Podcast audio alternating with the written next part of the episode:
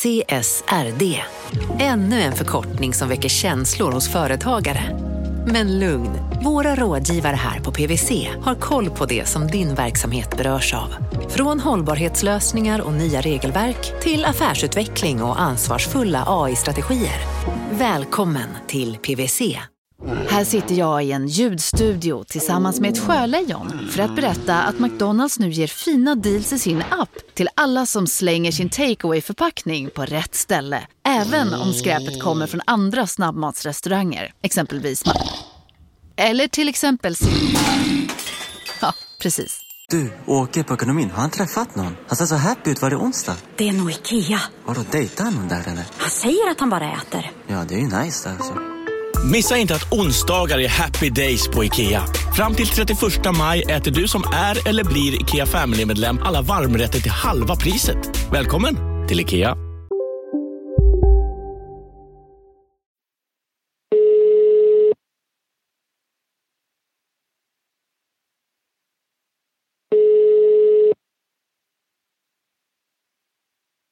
Anette Wendin.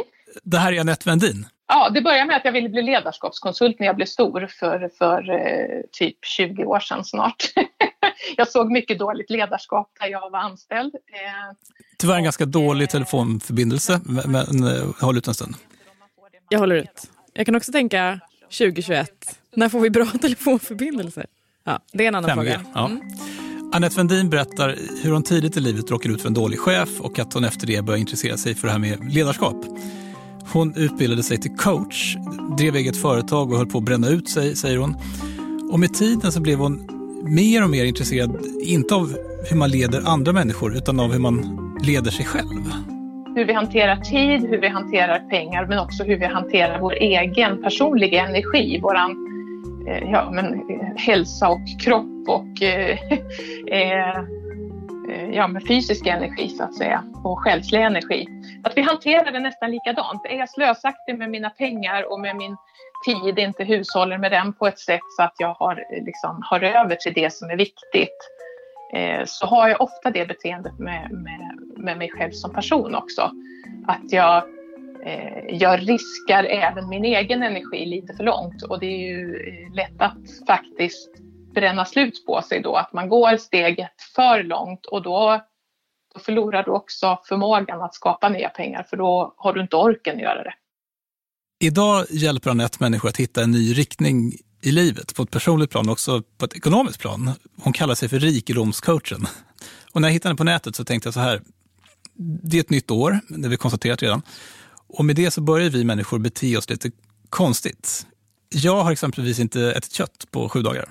Sju dagar är inte jättelänge. Men jag förstår, jag förstår vad, du, vad du menar. Konstiga saker heller. En rikedomscoach känner jag också att alla nog vill ha. Mm. Eller? Någon som coachar en så att man blir rik. jag tror inte många tänker sådär på ekonomi som ett problem som man kan lösa. Jag tror många så att säga, bara finner sig lite i en situation. Att man är på ett visst sätt, eller? Mm, jo, så kanske det är. Jag är mycket för att lära av andra. Jag lär mig gärna av andra. Folk får gärna berätta för mig hur man gör. Mm. Mm för lyssnare. Mm. För, för väldigt många människor så innebär ju ett nytt år också att man tänker på lite så här världsliga saker som pengar kanske. Eh, vi gör ju kapitalet enbart i konstens namn. Absolut, vi är i första hand ett konstnärskollektiv. Det är väl alla med på, va? Ja.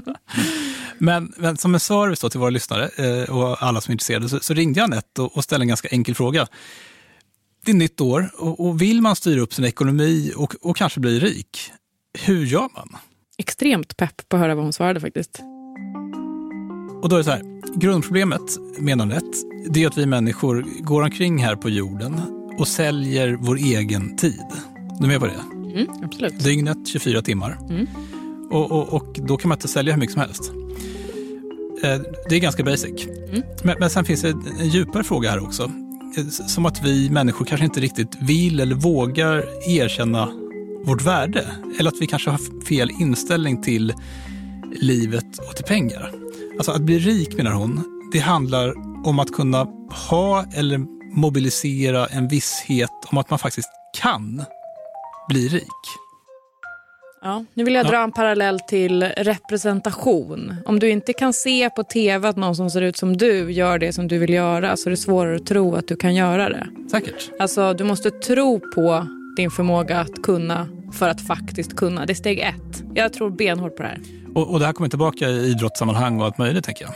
Mm. Om du tror att du lever i brist, om du tror att det du har att erbjuda inte är värdefullt, så förhandlar du fram sämre lön om du är anställd. Eh, du eh, tar för lite betalt för dina tjänster om du är egenföretagare. Eh, du tycker att allt är dyrt. Eh, du sänder ut en energi av bitterhet och eh, eh, vad ska jag säga, rädsla för att inte ha tillräckligt. vilket gör att andra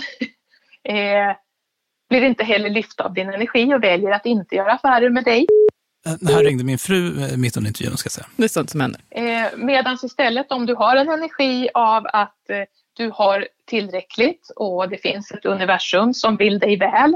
Eh, det finns pengar nog för alla eh, och vi blir belönade för det som, eh, som vi gör som är gott och visar liksom att, att tänker i tacksamhet för allt vi får omkring oss och liksom ser överflödet så får vi också en helt annan energi i, bemöt i bemötandet. Men eh, det här med inställning och energi, det kan ju upplevas som lite svårfångat kanske. Eh, och, och ska man titta på det här lite mer praktiskt så, så sa Anette att det i princip finns två sätt att bli rik. Ett är enkelt, långsamt. Det andra är svårt och osäkert. Vi ska prata om båda. Från Monopol Media, du lyssnar på Kapitalet. Idag med mig Jakob Bursell. Och med mig Åsa Secker. Häng kvar.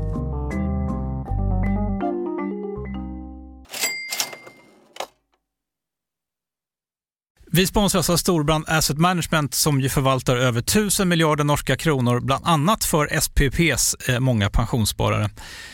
För två år sedan så investerade Storbrand i drygt 60 tåg, alltså tågvagnar, eh, som rullar mellan London och Skottland. De leasar sedan de här tågvagnarna till tågoperatören som alltså kör tågen och säljer biljetter och sånt eh, med ett avtal på 27 år. Så britterna får nya fina tåg och storbrandskunder, eh, däribland alltså SPPs pensionssparare, får en inflationsskyddad avkastning med låga risker under lång tid. Det här är ett av supermånga exempel på hur pensionskapitalet i växande omfattning bidrar till att bygga samhället och inte minst till att klara klimatmålen. Det behövs elproduktion, elnät, batteriparker, nya transportlösningar och allt möjligt. Bara i Europa antas investeringsbehovet för att klara klimatmålen uppgå till tusentals miljarder dollar. Och det här är ju pengar som ganska ofta saknas i statsbudgetarna. Däremot är det här pengar som pensionsbolagen kan vara med eh, och stoppa in, vilket ger pensionsspararna en fin avkastning under lång tid samtidigt som man är med och ställer om samhället. Vi har gjort ett helt avsnitt om det här eh, som man kan lyssna på. Det publiceras här i Kapitalet i mitten av maj. Ratta gärna in det om ni vill lära er mer om hur det här funkar. Men tack säger vi till Storbrand Asset Management som ju investerar i alla tänkbara tillgångslag, bland annat för pensionsbolaget SPP. Och tillsammans försöker ju vi, Storbrand och SPP, öka medvetenheten om hur pensionerna funkar och vilken roll pensionerna spelar i samhället och i ekonomin.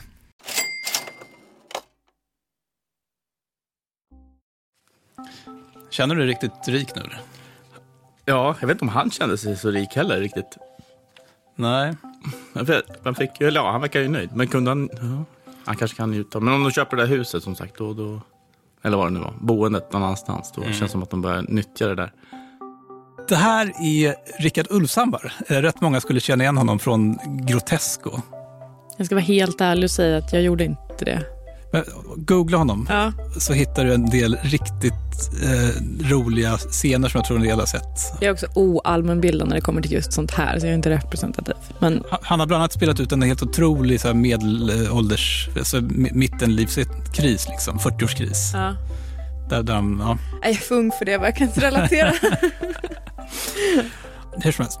Innan pausen så hörde vi rikedomscoachen Annette. Och ett sätt att bli rik, menar hon, det är helt enkelt att ja, spara mer pengar och, och framförallt se till att pengarna kommer i arbete och arbetar åt dig. Det, det här kallar hon för en pengafabrik. Men, men hur, länge var, hur länge sedan var det du slutade jobba nu då? Eh, 2018 sa jag upp mitt vanliga jobb. Eh, sen har jag tagit lite påhugg och hoppar in, eh, men det handlar om ja, dagar på ett år. Men jag slutar inte att jobba. Den eh, stora grejen för mig är att komma bort från ett eh, anställningsförhållande där man skriver på att vara lojal eh, med företaget och köra på i 40 timmar på kontoret och så vidare. Be om lov för att få ta semester, eh, vara uppbunden 40 timmar på kontoret. Och, Mm. ja, så att Känner det. Mm, ja, men det var kul att jobba så länge jag jobbade, men eh, när den här möjligheten närmade sig de sista åren, då, då blev det väldigt jobbigt att jobba. Rickard från Grotesco, vet att du undrar nu, han är ju inte rik, tror jag i alla fall. Eh, han har i alla fall inte slutat jobba. Han han skrev manus i nya Jönssonligan som släpptes nu i, dagarna. Ja. Men jag, jag anlitade honom för att iscensätta en intervju som jag gjorde före jul med en bloggare som kallar sig för Utdelningsseglaren. Men, men så du var då en, en hyfsat vanlig kille som skulle så här, skaffa en utbildning och skaffa ett vanligt jobb. Va, va, var det det som låg i korten? Ja, leva lite... Ja, lite så att leva utan att tänka på ekonomin och framtiden så mycket. Utan, eh, vi hade väl inte jättebra ekonomi när jag växte upp. Eh, Och så fick jag barn tidigt och då blir det också svårare med ekonomin. Eh, det här var lite som en revansch, att eh, skaffa sig ännu mer kontroll över sitt liv.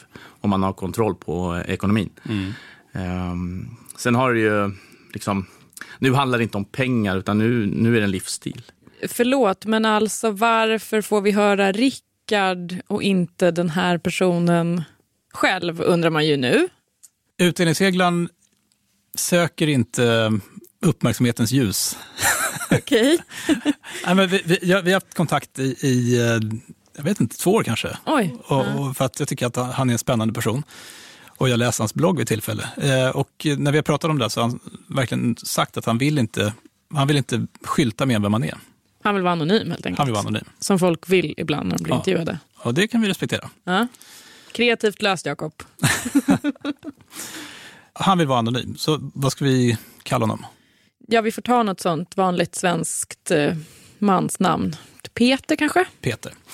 Runt 2008 så- så hamnade Peter, helt vanlig kille, på en amerikansk blogg där folk berättade hur de hade börjat ifrågasätta sin vanliga 9-5-livsstil, börjat spara en massa pengar, investerat pengarna och sen gått i pension skittidigt, alltså typ i, i 40-årsåldern. Det är tidigt. Det är balettdansöst tidigt. Ja, Eh, det här har man hört talas om tycker jag. ja men det, det, det är ett fenomen. Och, och Peter, han började sakta halka in i det här fenomenet. Nej, men jag var väl i en situation eh, då i livet eh, då jag hade kommit en bit i karriären i alla fall och lyckats få upp lönen lite grann och sådär. Och eh, då blev det ju så istället för att höja kostnaderna eh, så blev det att jag började fundera på att nej, men jag vill investera så mycket som möjligt. Eh, och det var väl det första som hände. Eh, så istället för att höja kostnaderna i samband med att jag fick högre lön så gick allt till investeringar. Och sen så var det dags att utforska det här med sparande och, och det är ju successivt. Man tar, ett man tar område för område och försöker komma på, kan man göra det här på ett smartare sätt? Så, så egentligen för alla kostnader du har finns det ju ett optimalt sätt att hantera det här på. Eh, sen är det upp till dig att ta reda på hur du ska göra det. Eh, så det handlar inte om att sänka livskvaliteten utan det handlar om att att spendera effektivt och göra det på ett smart sätt. Eh, och det där tar tid att lära sig. Tar man område för område, försäkringar, boende, mat, transport, träning och så vidare. Man lär sig själv hur det fungerar. Eh, och det är spännande med den här processen. att ja, Nu lyckades jag få ner matkostnaden med hu- 500 kronor i månaden och det gav ingen försämrad livsstil.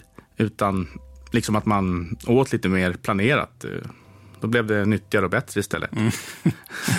Mycket av livssti- livsstilen går ut på att, eh, att ha, man har kontroll och tid.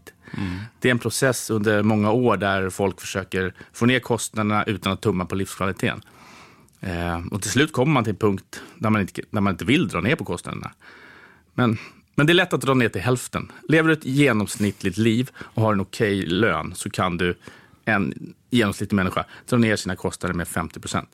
Och det här är då grejen som, som eh, Peter fastnar för.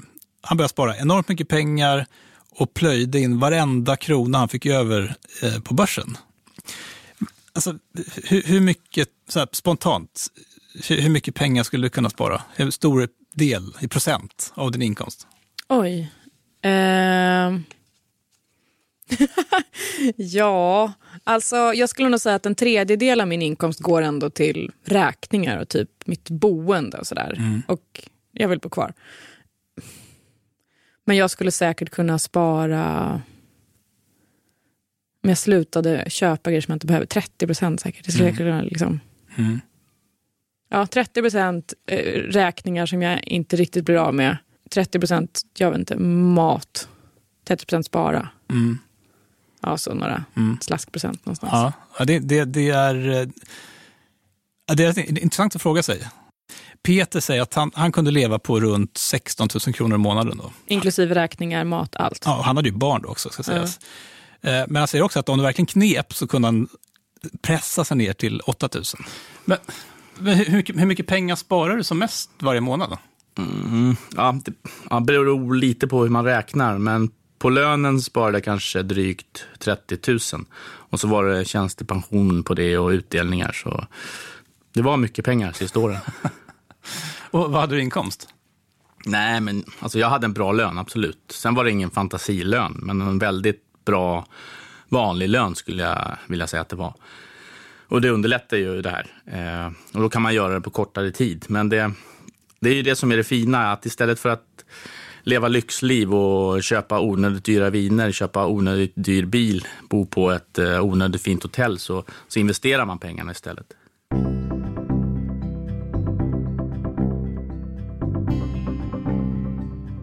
De här pengarna som Peter sparade, de stoppade han in på börsen. Eh, först då i vanliga, enkla, billiga globalfonder och, och sen med tiden i aktier med, med fokus på bolag som gör vinst och sen delar ut pengarna eh, till sina ägare. Det är därför han kallar sig för utdelningsseglaren. Han gillar utdelningar och så gillar han något som du gillar också, segling. Då är jag halvvägs där. Jag gillar segling. Jag ska bara ja, Kör- kör grepp det. om det här med utdelning också. Jag har inte kommit dit än.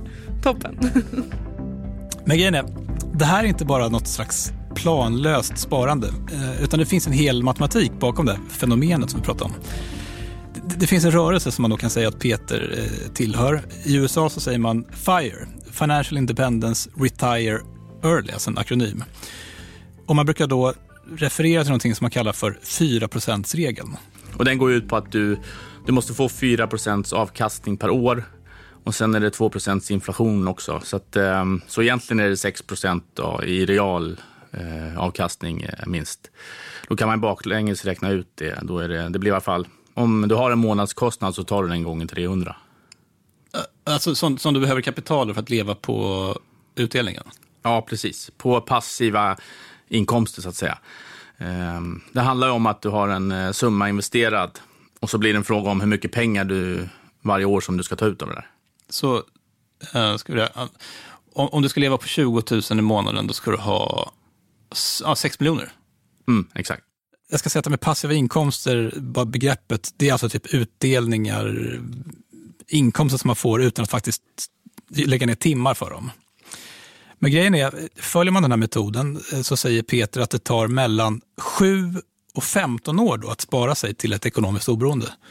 Peter, han är idag ett par år över 40 eh, och behöver inte jobba en enda dag till i sitt liv.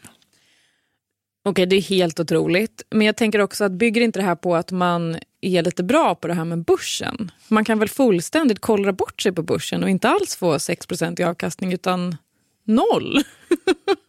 Om jag skulle segla in på börsen så skulle det nog gå så där. Precis, alltså man, kan, man kan göra hur fel som helst, men det är därför som han rekommenderar att man ska spara i fonder. Ja, okej.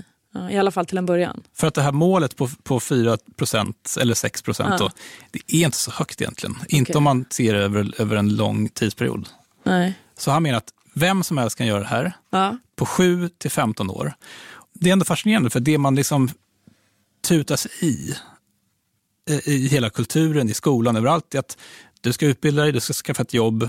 Vid 65, men för, för vår del kanske vid 70 då, så, så ska man gå i pension. Mm. Och det här är bara liksom svart på vitt att det finns en helt annan väg. Men jag tänker också på ett mer filosofiskt plan att det här bygger på att man tänker att man ska leva länge. Alltså man kan ju också ha den inställningen att så här, risken finns att jag blir påkörd av en bil på lördag. Därför vill jag leva varje dag härligt. Jag vill inte dra ner på mina kostnader och leva på ris och inte köpa några kläder som jag tycker om. Eh, ja men du vet, sånt där som jag lägger pengar på. Dyra tält. grejer till min segelbåt. Eh, jag tycker inte att det är värt det, för vem vet hur länge jag får leva. Och det här tror jag också är en ganska vanlig kritik mot liksom, den här livsstilen. Mm. Um, just det här att det kräver att man avviker rätt mycket från det som är normalt. Jag frågar också Peter, ska säga, det här som du har gjort, det kräver att du liksom har avvikit från normer i samhället. Och normer är ju jättestarka och jobbiga att avvika från. Ja, gud ja. Men han sa så här, det finns inga normer. Det finns inga normer, utan det här är något som man hittar på själv. Det här har jag bestämt och så länge jag trivs med det här så är det här min grej. Och sen får man liksom skörda frukterna senare. Jag vet inte om alla är lika bekväma med att eh, göra tvärt emot vad alla andra gör. Men det är väldigt intressant att höra att det, det liksom finns en konkret metod bakom att faktiskt nå det här målet. Ja, Otroligt intressant. verkligen. Sen krävs det då en person som har liksom en, en del integritet Och disciplin. och disciplin. Det här var i alla fall det, det enkla och långsamma sättet att bli rik. Eh, Efter pausen så ska vi kolla på det snabba och eh, farliga sättet. Eh, jag glädjer mig. Häng kvar!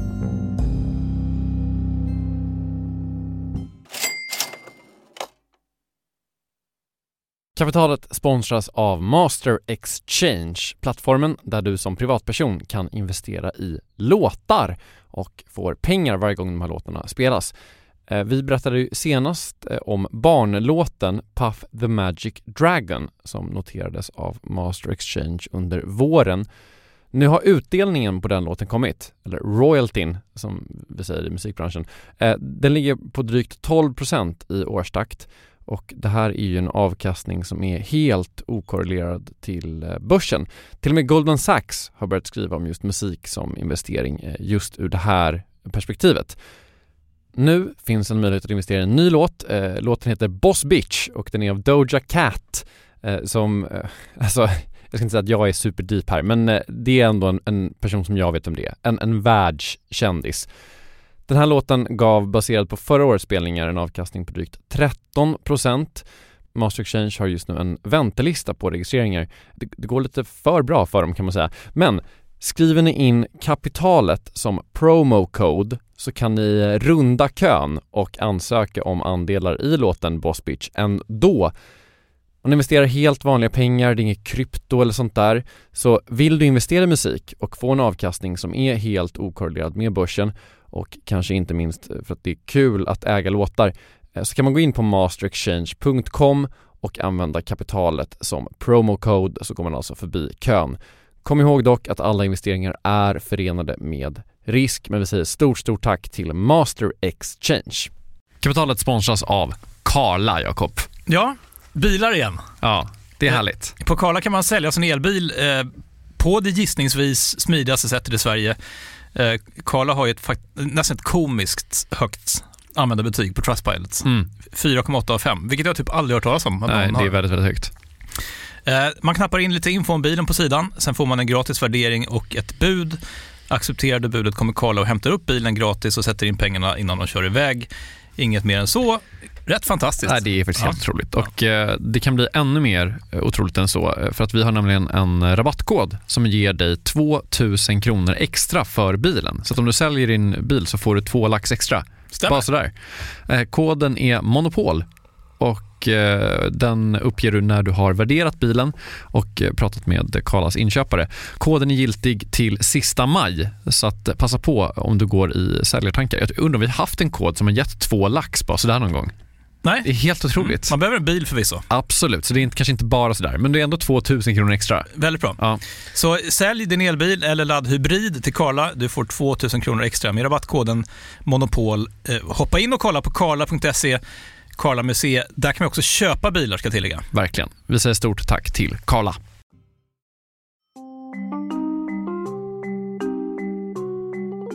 Det är ju det kanske många tror att man ska göra det snabba klippet och så blir man rik. Det är väldigt få som har byggt rikedom genom det. Någon kan ha tur naturligtvis. Det här är eh, Annette igen, rikedomscoachen. Men för det mesta så är det här ett ganska det är liksom långsiktigt nötande, det är det lilla stegets kraft, det man gör eh, på att säga, varje dag, varje vecka, varje månad över tid som, eh, som växer. Vi människor är ju otåliga till naturen, antar jag. Väl? Mm. Eh, Och en del tycker att 7-15 år, det är för lång tid. Jag ska bli rik mycket snabbare än så. Och det finns då sätt som man kan tänka tar kortare tid, eh, som tyvärr också har sina egna nackdelar. Det går väl någonting i stil så här då att ja, eh, lite fakta för dig som letar efter nästa möjlighet. Eh, dels då solenergi har blivit fem gånger billigare de senaste tio åren. Eh, och e-handel är bara 15 procent av fysisk handel än så länge. Det finns väldigt mycket utrymme kvar där.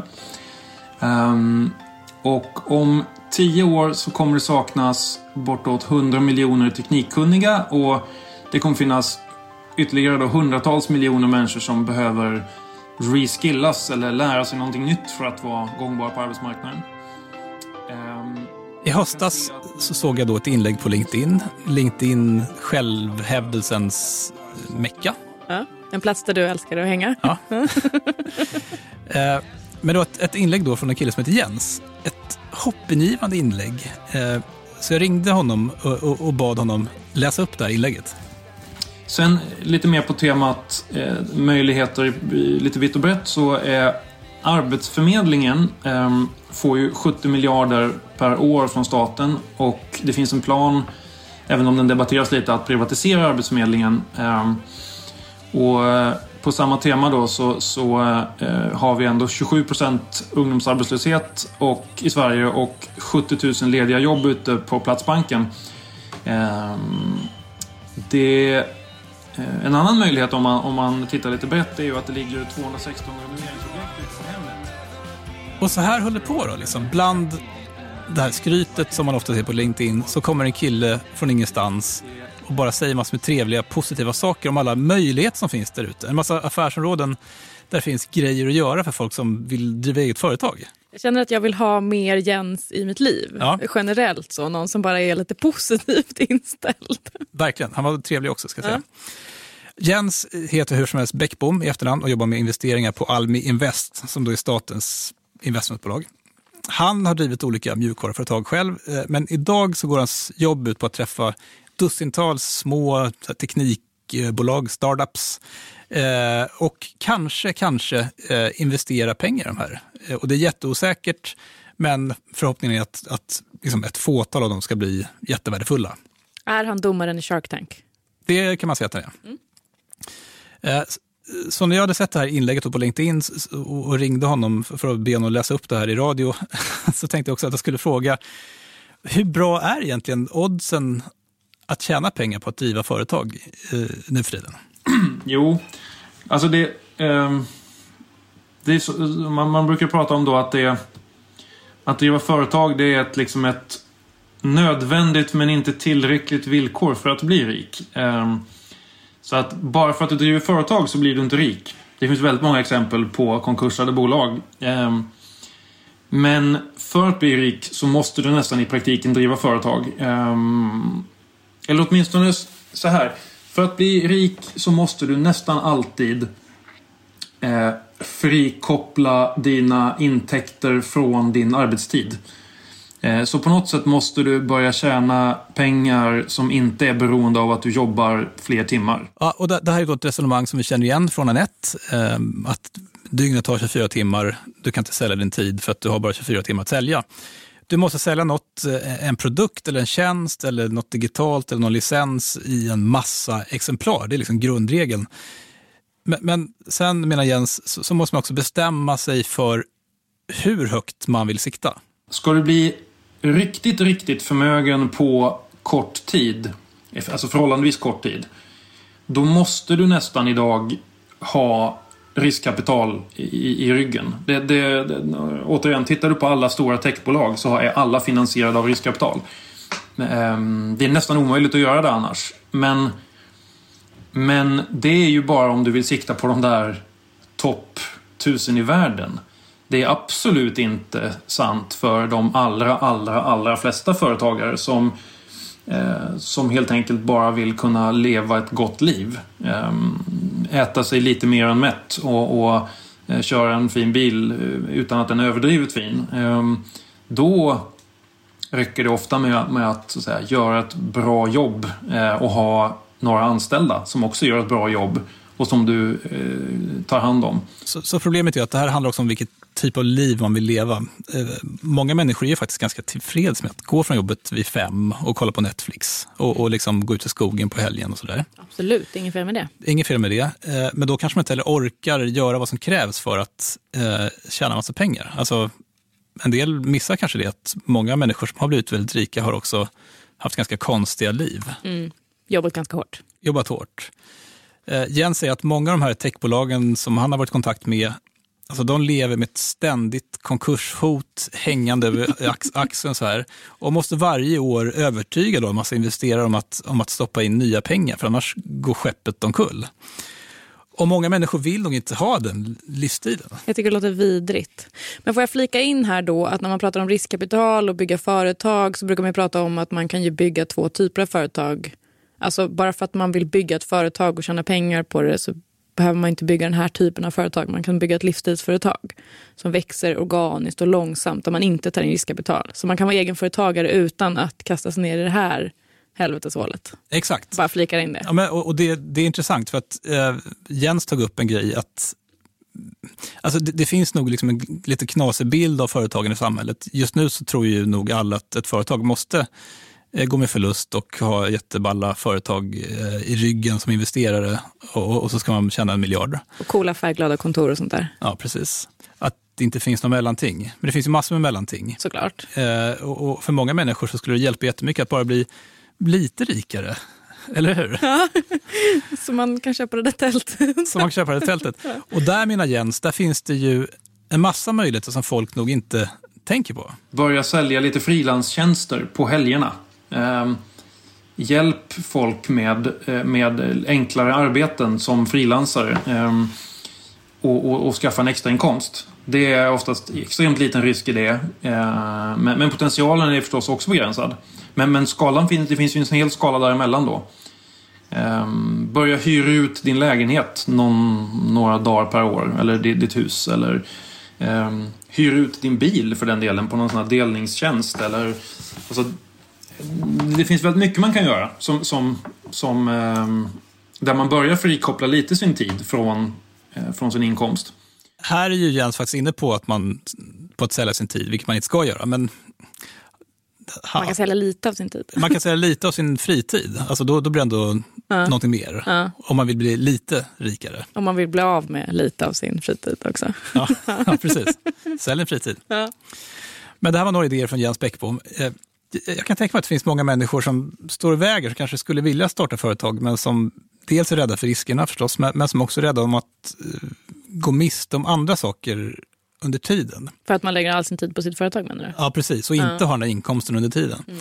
Och det här blir liksom, lite filosofiskt kanske, men, men jag frågar Jens vad som vad, vad han trodde gav liksom bäst utväxling till minsta möjliga risk. Alltså vilket beslut är klokast här och nu om man med störst sannolikhet vill tjäna hyggligt eller så här, tillräckligt mycket pengar. Ge oss lagom alternativet Jens. Lagom alternativet, precis. Den, den bittra sanningen är ju att det högst väntevärde har du om du um, utbildar dig i, liksom, till ett, till ett uh, yrke som, som, det är, uh, som det betalas mycket för. Um, alltså klassiska uh, Eh, läkare, advokat, ekonom, ingenjör. Liksom. Ehm, det är, mm, nu för tiden och till stor del liksom programmerare kanske. Eh, eller någon variant av, av, av IT kunnig. Eh, och, och, och sen är du, sen är du, eh, jobbar du på, se till att skaffa dig successivt en, en, en, en mer och mer, lite mer, lite mer och mer nischad specialistkompetens. Eh, du får liksom vara lite aktsam på liksom att, att, välja en som kommer vara efterfrågan på. Um, och, och, och sen förr eller senare tar skuttet och, och, och börjar bli konsult istället för att vara anställd eller starta någon liten, eh, liksom, tjänste, något litet tjänsteföretag istället för att vara anställd. Ehm, och det advokatmotsvarigheten skulle väl vara att starta egen byrå eller att vara hyrläkare istället för att vara anställd läkare eller, eller Ehm, och så vidare. Det är ju trots allt det. De, de där varianterna är fortfarande det, liksom det mest, väntevärdesmässigt förmodligen det bästa sättet. Att, att, eh, och sen förstås ska du hela tiden eh, investera överskottet du har, eller spara en, en liksom hygglig del, investera det löpande över tid. Eh, det är det tråkiga svaret liksom. Och, och det här bekräftar ju bara eh, att, att man skulle ha lyssnat på, på sina föräldrar från början. Klipp dig, Skaffa ett jobb. skaffa en utbildning, bli läkare, Ja. spara Lä- pengar. Läkare, advokat, ingenjör. Du har tre att välja på. Med de här orden så vill vi önska alla lyssnare ett eh, rikare 2021. Eller så kör ni på precis som vanligt. Man klarar sig rätt bra utan en massa pengar också. Man kan vara rik på upplevelser. Exakt. Ja. Ni kan dock vinna en otroligt exklusiv privat pratstund med den här hemliga utdelningsseglaren, har han lovat. What? Mm. Eh, kanske kan man få lite inspiration om hur man kan börja med en sån här resa mot ekonomisk frihet. Kanske lite praktiska tips om hur man ska spara på olika saker för att komma ner den här ja, 50 procent, eller man sa. Det här är en otrolig möjlighet. Jättefint, Ja. jättefint erbjudande. Skicka ett mejl till jakob.monopolmedia.se, alltså jakob med c at monopolmedia.se, så deltar ni i utlottningen och utdelningsseglaren har lovat att ställa upp med två sådana här exklusiva samtal per telefon på vardera en timma. Wow. Notera att det är en ny mejladress här. Alltså. jakob.monopolmedia.se. Inte jakob.kapitalet.se som vi hade förut. Så är det. Den här chansen vill man inte missa. Känner jag. Får jag mejla eller hur funkar det? Sk- Skicka ett mejl bara. Eller ta det på Slack. Ja. Jag heter Jakob Bursell, du heter Åsa Secker, Kristoffer Krook har stått för slutmixen. Vi jobbar alla tre på Monopol Media. Tack för att ni lyssnade.